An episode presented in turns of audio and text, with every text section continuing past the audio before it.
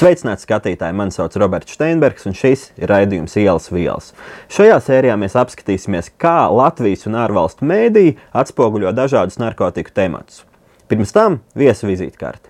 Kristiāna Diana Bēbra, doktorantūras grāda kandidāti, pasniedzēji un zinātniskā asistenti.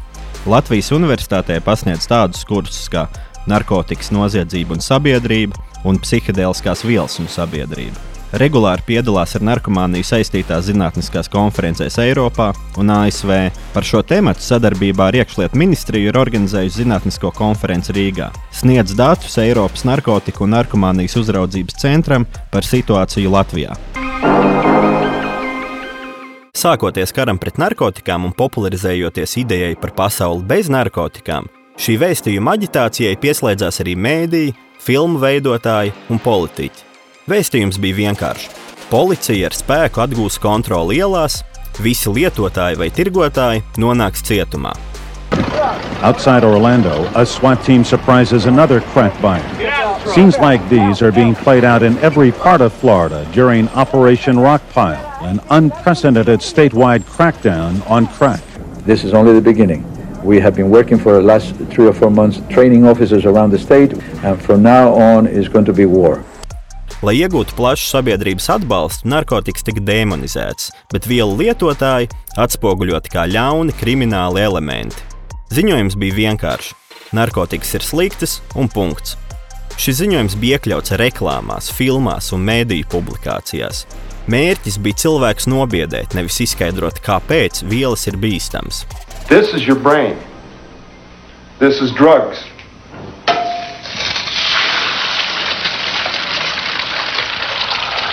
This is your brain on drugs. Questions? Arī pēc prezidenta Niksona termiņa beigām augsta ranga amatpersonas turpināja propagandēt karu pret narkotikām. Viens elements, kas guva īpašu popularitāti arī ārpus ASV, bija vienkārši saki nē, jeb just say no princips. Pamatdoma, ja kāds piedāvā narkotikas, vienkārši saka nē. Say yes to your life. And when it comes to drugs and alcohol, just say no. Ilgu laiku just say no princips tika pozicionēts kā brīnumzāles pret narkotiku lietošanu. Tas ir populārs arī mūsdienās. Taču pēc vairākiem desmitiem gadu var droši teikt, ka šis princips nav palīdzējis samazināt narkotiku lietošanas izplatību. Atskatoties uz reklāmām un mēdīju publikācijām kara pret, sa- kara pret narkotiku sākumā, kāds bija to mērķis īsti? Domāju, no vienas puses mēs varam teikt, ka tur bija altruistiskais mērķis, kas tiešām, es domāju, daudz cilvēku vēlējās sasniegt to. Tas bija uh, mazināt lietotāju skaitu, uh, mazināt vielu pieejamību, tātad veidot prevenciju pret to, lai jaunieši un mazi bērni nesāktu vielas lietot. Um, Tas varētu būt teikt, ka tas bija viens mērķis ar šīm bailēm un baidīšanu un sodīšanu un cietumsodiem. Mēs mēģinām sasniegt šo te mērķi. No otras puses mēs varam teikt, ka tas varbūt nebija tik altruistisks, tik pozitīvs, bet vairāk vērsts uz politisko pusi, jo šajos 60. un 70. gados Amerikā bija daudz dažādi politiskie nemieri. Viņiem bija jāpārliecina sava sabiedrība atbalstīt Vietnamas karu, un tad bija daudz šie baltie vai kaukāziešu jaunieši no vidusšķiras ģimenēm, kas neatbalstīja karu, um, kas vēlējās dzīvot savādāk, kopā ar dabu, mīlēt viens otru, un šis Vietnamas kars viņiem nepatika. Un tad bija arī otra grupa, kas bija šie afroamerikāņi, uh, kas vēlējās iegūt līdztiesības sabiedrībā, kas nevēlējās, lai viņus bez iemesla nošauju apcietina policija, kā mēs redzējām arī sižetā, šis karš pret narkotikām bija pārsvarā pret uh, afroamerikāņiem, jeb melnādainajiem cilvēkiem. Tad no otras puses mēs varam teikt, ka šis mērķis bija apspiest šos dažādos protestus vai šīs dažādās um, grupas sabiedrības, kas pretojās valdības um, politiskajiem lēmumiem. Un, jā, un tad tie varētu būt šie divi galvenie mērķi. Un vai šie mērķi tika sasniegti kaut kādā veidā? Tad mēs varam skatīties no šīs vienas puses, mazināt lietotāju skaitu vai veidot prevenciju jauniešiem. Mēs zinām, ka šis mērķis nav sasniegts. Ar baidīšanas kampaņām arī mūsdienās mēs joprojām šādus izmantojam, bet pētījumi pierāda, ka labākajā gadījumā šādas kampaņas nesīs neitrāls rezultāts. Tātad šis jaunietis, kas šādu kampaņas video, piemēram, par to olu, kas tiek uzcepta, ir noskatījies labākajā gadījumā, viņš izvēlēsies. Nu, šī te, šis video neatstās uz viņu iespaidu. Sliktākajā gadījumā šīs risks lietot palielinās pēc tam, kad šādas te baiļu bāzē veidotas kampaņas tiek noskatītas vai kad šis te jaunietis tiek tiek tām klāt, tad pēc tam viņam palielinās īstenībā risks lietot vielas. Un tur kāpēc tas arī ir liels garš jautājums, vai kāpēc tas tā notiek. Tātad jā, no šīs autoristiskā puses uh, prevence netiek sasniegta, izmantojot baidīšanas kampaņas, sodīšanu un tā tālāk. No otras puses, mēs, ja mēs skatāmies uz to, vai šīs politiskās kustības tika apspiestas, mēs varam teikt, ka Amerikā jā, um, karš pret narkotikām ir disproporcionāli uh, vērsts pret uh, minoritātēm, pret afroamerikāņiem, kas arī cietumos sastādies, nemaldos, starp 70 līdz 90% populācijas ir šie te, uh, etniskās minoritātes, um, kaut gan lietotāju skaits uh, proporcionāli ir vienāds visām etniskajām kopām Amerikā, bet mēs tieši fokusējamies uz šīm te, uh, afroamerikāņiem un tad liekam viņus cietumā un, un apšaudam viņus un šīs te, šie te protesti no šīm etniskajām kopām turpinās arī mūsdienās. Mēs to redzam arī tagad viņu sabiedrībā. Respektīvi, no ādas krāsas nav atkarīgs tas, cik daudz lieto, bet sanācis ir tā, ka melnādainos noķer biežāk. Jā, jā, jā, jā. viņas gan noķer, gan identificē, arī Anglijā tas parādās un Francijā, kad, piemēram, viņiem ir likums, ka policists var uz ielas apstādināt tevi um, un tad pārbaudīt, vai, vai tu nesā līdzi kaut ko nelegālu, un tad arī šis uh, ir izteiktāks, daudz lielāks skaits tiek apturēts etniskās minoritātes, tīpaši melnādainie cilvēki nekā baltādainie, kaut gan lietotājs skaits ir vienāds vai līdzīgs cepta ola tā ir korekta reprezentācija par to, kas notiek ar cilvēku smadzenēm, kad viņi lieto vielas. No, tas atkal balstās uz to ideju, ka viena reize palietošana noved pie nebeidzamām sekām uz tavu ķermeni, uz tavām smadzenēm. Jo jēlu olu, kā, kad viņi uzcep, viņi nevar atkal atvērst atpakaļ, un kad viņi atkal ir jēlu ola čaumalā, tas ir neiespējami. Bet tomēr, ja mēs pastamies uz kaitējumu, ko rada narkotiskās vielas, tas nav ilgtermiņa kaitējums lielākajai daļai lietotāju. Nu, vairāk nekā 90% lietotāji, kas lieto jebkādu nelegālo vielu, no, nesaņem vai neizjūt kaut kādas negatīvas, negatīvas efekts uz sevi ilgtermiņā vai pat īstermiņā. Tur nav šīs te sakas, tad mēs varam, tā kā, nu, labi, pragmātiski mēs varam teikt, ka, piemēram, alkohols arī ir viens no kaitīgākajām šīm vielām, ka tas rada šīs ilgtermiņa sākas, bet nu, mums tas, tas jāizvērtē relatīvi, kā, salīdzinot ar ko tas rada šīs sākas. Jo tagad arī, piemēram, apvienotā World Health Organization, tas ANO ir paziņojis, ka jebkāds daudzums alkohola ir vienlīdz kaitīgs mums nevajadzētu lietot to vispār. Bet, nu, tas nenozīmē, ka tas tā notiks un mēs to turpināsim lietot, un, jā, un tad tas kaitīgums ir jāizvērtē tā, kad iedzer vienu malku šņābja un visas tavas smadzenes ir uzceptas, un tā tas nav. Narkotiku tematika Latvijas mēdījos parādās neregulāri. Pārsvarā tās ir ziņas par kādu aizturēto, konfiscēto krāvu vai policijas reidiem skolās vai festivālos. Profilaktiskās pārbaudēs un reidos policistiem palīdz narkomānu un cigarešu kontrabandistu biets dienesta suns Darvins, kurā kontā pēdējā laikā ir vairāki pamatīgi ķērieni. Šādi tad parādās publikācijas par problemātiskiem lietotājiem un narkotiku izraisīto postu. Vienkārši saka, nē, princips joprojām ir populārs, un tas tiek lietots visu apreibinošo vielu sakarā. Spēks pateikt nē, lem pats! Neļauj to darīt citiem. Taču viena no bīstamākajām tendencēm ir narkotiku jautājumu eksperti, kuri publiski izplata zinātniski nepamatotu informāciju. Piemēram, Tvaika ielas galvenā narkoloģija Astrīda Stīrna izteikusies, ka marihuānas legalizācija novedīs pie noziedzības pieaugšanas. Bet ārsts Pēters Apins norādījis, ka marihuāna ir ceļš uz citām narkotikām un pastiprinātu alkohola lietošanu. Tāpat atrodams publikācijas par to, ka marihuāna izraisa schizofrēniju. Šādi izteicieni nav pierādījumos balstīti. Vairāku desmitu gadu laikā joprojām nav pierādīta kauzalitāte jeb cēlonība starp šīm lietām. Neprecīza informācija no eksperta puses mijās ar nekompetenci. Šādi šovasar izteicās narkoloģija Rīta Kuzņicova, raksturojot populārākās vielas jauniešu vidū. Marihuānas lietošana un šobrīd MDMA tablešu lietošana, ko viņi sauc arī par skābi. Viņi sauc to par skābi? Jā, MDMA tabletes sauc par skābi. Bieži. Okay. Par skābi jau gadu desmitiem dēvē LSD, nevis MDMA tabletes. Tās ir dažādu grupu vielas ar atšķirīgiem efektiem. Šāds izteikums no eksperta puses var radīt kaitējumu jaunam lietotājam. Kļūdaini vai melīgi eksperta izteikumi grauj ticību visai narkoloģijas sistēmai un nevairo potenciālo pacientu uzticēšanos narkologiem. Pirms sākam par konkrētajiem gadījumiem skatīties, doktora darbā pētīja narkotiku tematu atspoguļojumu Latvijas mēdījos arī to starp. Kādi bija tie novērojumi? Jā, nu man tā kā analīze vēl ir procesā, es varu dot tā tādus pre prelimināros ieskatus, kas man nāk ārā.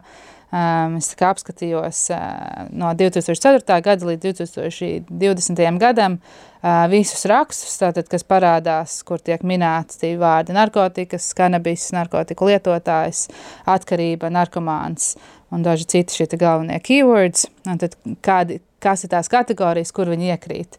Un tad, jā, viens pareizi tiek minēts, ir tas, ka šī ir sodīšana, šī ideja, ka mēs nobaidīsim šo cilvēku, parādot, ka kriminalizācija strādā. Redz, cik efektīvi mēs esam atraduši vēl kādu cilvēku, kas brauc narkotiku iespējā pie stūres, vai redz, kur vēl kāda krava tiek konfiscēta, vai tagad vēl tajā vispopulārākajā variantā Latvijā, kas tagad notiek, ir redz, kā mums suns var noķert vēl vienu jaunieti vai, vai bērnu, kas ir lietojis kaut kādu vielu, un tad redzes, kā mēs spējam ieviest kriminalizāciju caur šo te sodīšanu. Ar ideju, ka vot, tā ziņa ir nelieto, tevi noķers, sodīs, un tad būs šīs te sekas.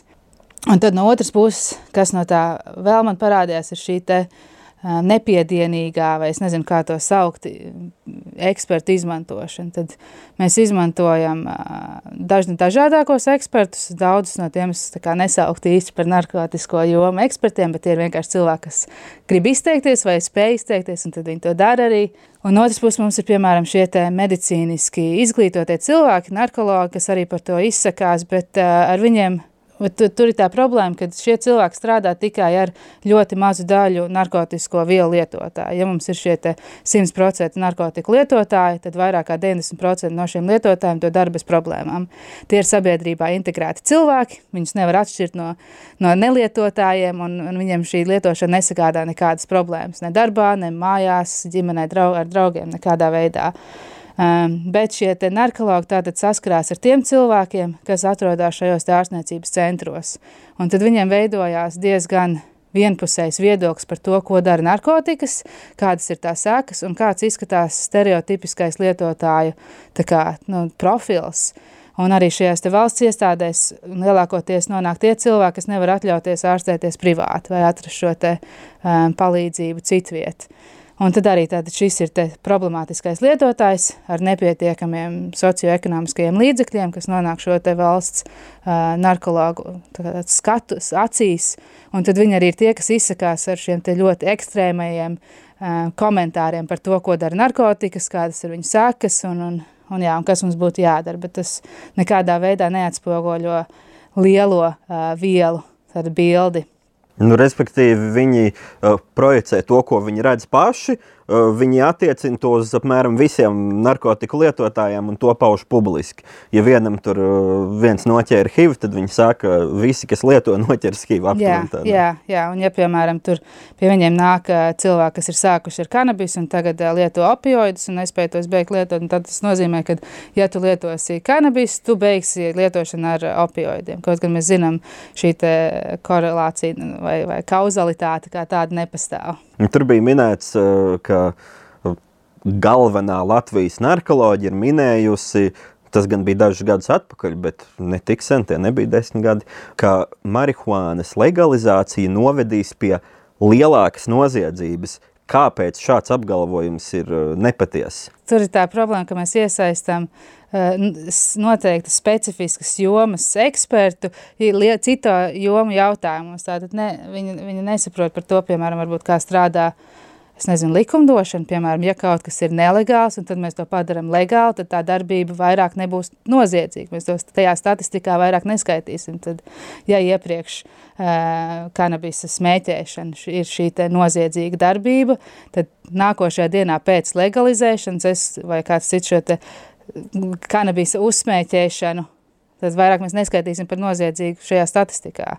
Jā, tas, tas nav loģiski, ja to mēs skatāmies no likumdošanas skata punkta. Es nezinu, kā viņi to bija domājusi. jo sanāk, ka drīzāk noziedzība pazeminātos, jo Jā. daudzie lietotāji vairs nebūtu noziedznieki. Jā, tā darbība turpinātos lietošana bet mēs to vairāk neskaitītu kā noziedzīgu darbību, tad noziedzības līmenis kristos. Nu, bet varbūt tur bija domāti kaut kādi izmisīgi, problemātiski lietotāji, kas tagad dēļ grama zāles sitīs ārā logu mašīnai un zaks radio. Nē, ta, tas mani nepārsteigta, ka tas varbūt bija tas, kas bija domāts, bet nu, to mēs arī redzam, ka, tā nav. Es, es nezinu, kā pie varbūt tieši otrādāk, ja mēs kriminalizētu to vēl, piemēram, ja tagad pēkšņi alkohols kļūtu nelegāls, tad ko darīt visi problemātiskie lietotāji? Varbūt viņiem, kam alkoholu vajag ikdienā, jo savādāk sāka šis withdrawal sindroms, kad, nu, sāk diezgan liels veselības problēmas nākt virsū, kad viņiem tas alkohols ir jādab un, un, un ja alkohols nav pieejams, tad varbūt tad palielināto šādas zādzības. Bet es neredzu, kā tas notiktu, ja mēs skatāmies uz otru pusi, ja legalizētu. Varbūt tas, varbūt tas, ko viņi domāja, būtu, kad palielinātos lietotāju skaits pēc tam, kad mēs legalizētu.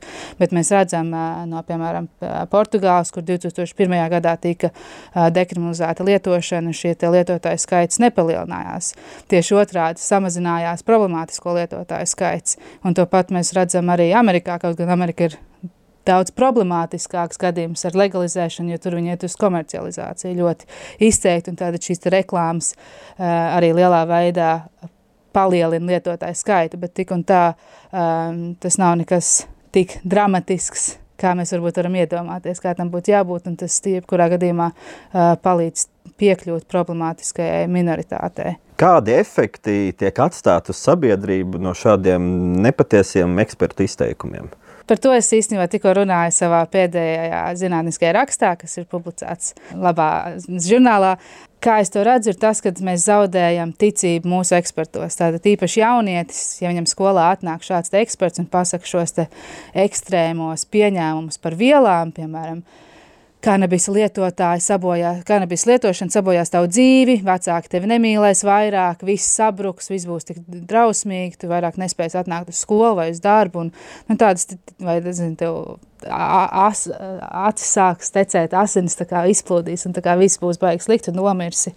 Um, tad, kad šie ļoti ekstrēmie un nepatiesie uh, komentāri tiek izteikti par vielām, mums zūd ticība šo ekspertu, tātad, zināšanās, kompetencē. Un tad, ja tiešām tu esi cilvēks, kam rodas šī problemātika ap vielu lietošanu, tu negriezīsies pēc palīdzības. Un tad, ko tu darīsi? Tu meklēsi viņu internetā vai pie draugiem, kas varbūt arī nav tikpat izglītoti, vai sliktākajā gadījumā varbūt kaut kādā šajās te reliģiskajās organizācijās, par ko mēs zinām ļoti maz, un, un tas, ko mēs zinām, varētu būt diezgan problemātiski. Un jā, un tad mēs zaudējam, mēs pazaudējam šo ticību mūsu uh, it kā kompetentajos ekspertos. Kas nozīmē, ja cilvēks lieto problemātiski, viņš negrib vairs vērsties, jo viņš uzskata, ka tie cilvēki tāpat neko nesaprot. Jā, jā. Viņi nevar palīdzēt. Jā, jā. Un ja mēs izdomāsim kādreiz vērsties uz kaitējumu mazināšanas politiku narkotiku jomā, būs ļoti liela problēma piekļūt šiem cilvēkiem. Jo, piemēram, vidējais vidusšķiras integrētais cilvēks varbūt nevēlēsies nākt, piemēram, uz, uh, uz telpām, kur var droši lietot uh, kādu vielu vai arī nest savas vielas testēt uz laboratoriju Latvijā, lai pārliecinātos, ka tur nav nekas cits piejaukts klāt, jo viņam būs bailes, ka šis te, šī te viela ir uztaisīta kā tāds, nu, kā, kā vieta, kur tevi noķers un sodīs par to, ka tu lieto, jo redz, šiem te ekspertiem nav kompetences. Un, uh, ja mēs skatāmies varbūt nedaudz šaurākā līmenī uh, uz individiem, mēs dzirdējām apgalvojumu, nevis apgalvojumu, bet to, ka narkoloģi stāstīja par to, ka skā, uh, par MDMA tableti sauc par skābi, kas nav patiesība un tas nav nekas jauns, tas ir bijis desmitiem gadu. Ko jaunietis dzirdot šādu frāzi un skaidri zinot, vai arī nezinot tieši, kas ir skābi, Nu, kādi viņam ir konkrētie riski? Viens ir tas, ka uh, viņš varbūt, piemēram, nezinu, draugs viņam dod vielu un, un saka, tā ir skābi, varbūt, uh, un tas ir MDMA, tad viņi pat nezina, kas tas ir, ko viņi lieto. Um, un, un, jā, un vis, tas viss priekš manīm vienkārši bļauj to, ka mums pietrūkst um, sociālo pētījumu, kas informētu mūsu narkologus par to, kā, kā izskatās mūsu narkotisko vielu lietotāju bilde valstī, kad šie narkologi atrodas šajā ļoti noslēgtajā mazajā burbulī un, un neredz plašākos sabiedrības procesus un, un, tīpaši to, kā jaunieši uh, lieto vielas, kā viņi viņus sauc, viņi nespēja tad informēt Eh, topošos vai es, esošos lietotājus. Kur šajā gadījumā ir eh, mēdīju atbildība? Jo it kā jau vērsties pie eksperta, kam ir autoritāte, nav nekas slikts. Jo, nu, ja tas ir valsts galvenais narkotikas, nu pie kā vēl vērsties pie, pēc informācijas par narkotikām? Kurā brīdī tev būtu jā, jāsāk nezinu, pārbaudīt uh, ekspertu sacītais? Tas ir grūts jautājums. Es nezinu, kā uz to atbildēt. Kad ja mums Latvijā ir tāda situācija, kad ja mums nav uh, daudzās jomās ekspertu, uh, un tas, tas nav tikai uh, narkotiskajās vielās, tas ir daudzās citās arī šajās, tad, tad kā varētu teikt, skandalozijās vai kaut kādās tabū uh, tēmās, ka mums nav izglītoti speciālisti, kas spēj sniegt pragmātisku apskatu tajā, kas, tajā zinātnē, kas ir publicēta un kas nav balstīta kaut kādos morālajos vērtējumos vai savās subjektīvajās jomās, domās. Jā, es, ot, ot kā mēdī to var atrisināt, man būtu, man būtu grūti atbildēt. Bet nu, pie, tam ir jāpievērš uzmanība, kad, iz, kad izvēlas, ko, ko intervēs. Jo šajā gadījumā nu, tas pats uh, vairāk vai mazāk, gandrīz desmit gadus esmu žurnālistikā, un es novēroju tiešām lielu progresu, ja mēs runājam par citiem tematiem. Gan uz uh, faktu pārbaudēm, uh, gan uz ekspertu izvēlēm, uz dažādiem viedokļiem. Ir tiešām tā, tā mediju telpa palikusi daudzveidīgāka, un arī pietiekami daudz tomēr pievērš uzmanību, lai nepubliskotu maldīgu informāciju. Tas viens izņēmums ir tieši narkotiku temats. Kāpēc tā?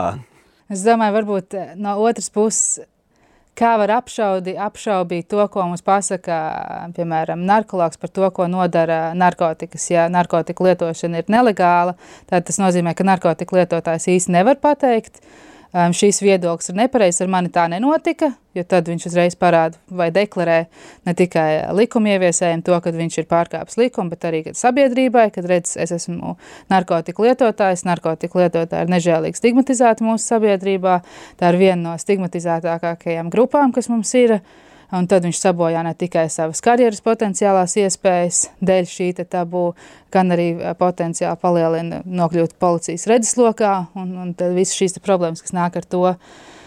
Un tad, jā, šie narkotiku lietotāji ir tāda populācija, ko mēs izvēlamies, nu, kā, kad, kad, kad vajag kādu stigmatizēt, vai, vai kad vajag piesaukt kaut kādu grupu, kas ir ļauna sabiedrībā, tad mēs ļoti labi, varam to darīt ar narkotiku lietotājiem. Un uh, to arī, piemēram, ne tikai Latvijā, piemēram, arī pats Putins, kad viņš teica, ka jāiet uz karu Ukrainā, uh, viņš teica, ka viņš karos pret divām grupām, tie būs nacisti un uh, narkotika lietotāji. Un tas, narkotika lietotāji ir tā grupa, ko mēs vienmēr varam izmantot priekš netik, uh, varbūt, pozitīvām uh, idejām vai mērķiem. Jā, tur bija nacisti un narkomāni. Un tajā pat laikā, pēc dažām nedēļām, kad sākās aktīvā kara darbība, parādījās informācija, ka Krievijas armijā tiek dotas tabletes, kas ļoti iespējams ir kaut kas līdzīgs amfetamīnam. Tikai vēl trakāk, un, un savukārt, tad, kad tā viela iet ārā no ķermeņa, tā izraisa ļoti lielu agresiju un tādas lietas. Jā. Uh, ja mēs skatāmies vēl pa mēdījiem, uh, kā ir ar to situāciju? Mēs zinām, ka gluži īpaši kaut kādu pusauģu gadījumā nosaukt viņus par narkomāniem ir viens no sliktākajiem, ko mēs varam izdarīt. Agrāk uh, tāda kombinācija pusaudzes narkomāns bija diezgan, diezgan bieži sastopama mēdījos. Pētīja no 2004. gada. Ja? Varbūt tur redzēja arī kaut kādas izmaiņas tajā, kā mēs lietojam vārdu narkomāns, vai, vai mēs tagad sākam biežāk lietot narkotiku lietotājs. Es domāju, Latvijas gadījumā es, es to vēl neievēroju. Mums, mums, mums ir diezgan liels problēmas vispār atšķirt narkomāns, narkomānija un visi šie, te, šie te vārdi vēl projām miksējas. Bet, piemēram, angļu literatūrā vai angļu presē tas sen jau ir atdalīts un tā kā, jā, ir, ir, ir, ir šī izpratne par to, cik spēcīga ir valoda un kad, kad valoda stigmatizē, un tad šie te vārdi ir, ir, ir jāizmanto pārdomāt. Varbūt tagad, jo man, man šie dati par pēdējiem diviem gadiem, varbūt tur ir šīs izmaiņas tagad parādījušās izteiktāk vairāk. Kā ir tie angļu presē, kā, kādi termini tur tiek lietoti? Tieši jā, kad ir šie narkotiku lietotāji, nevis eh, narkomāni, vai arī nevis narkotiku atkarīgie, piemēram, mums, eh, mēs bieži izmantojam šo atkarību uh, veicinošās vielas vai atkarību radošās vielas, un tas atkal veido šo izpratni, ka ā, nu, šī ir tā viela, kas aizved uz atkarību. Kaut gan lielākajai daļai lietotāji viņi neaizved uz atkarību. Un tad saukt šīs vielas par atkarību raisošām nu, nav pareizas. Tāpat alkohols jau arī ir šī atkarību veidojošā viela. Un, jā, un tad Anglijā, piemēram, šīs, šīs atkarība un viela jau sen ir atšķirts, un, un ir tabū likt šīs divas lietas kopā. Nu, cerēsim, ka kādu dienu arī tas nonāks līdz mūsu mēdījiem. Nu, jā, drīz gan jau. Mhm. Paldies par sarunu! Paldies, ka skatījāties! Tiekamies pēc divām nedēļām!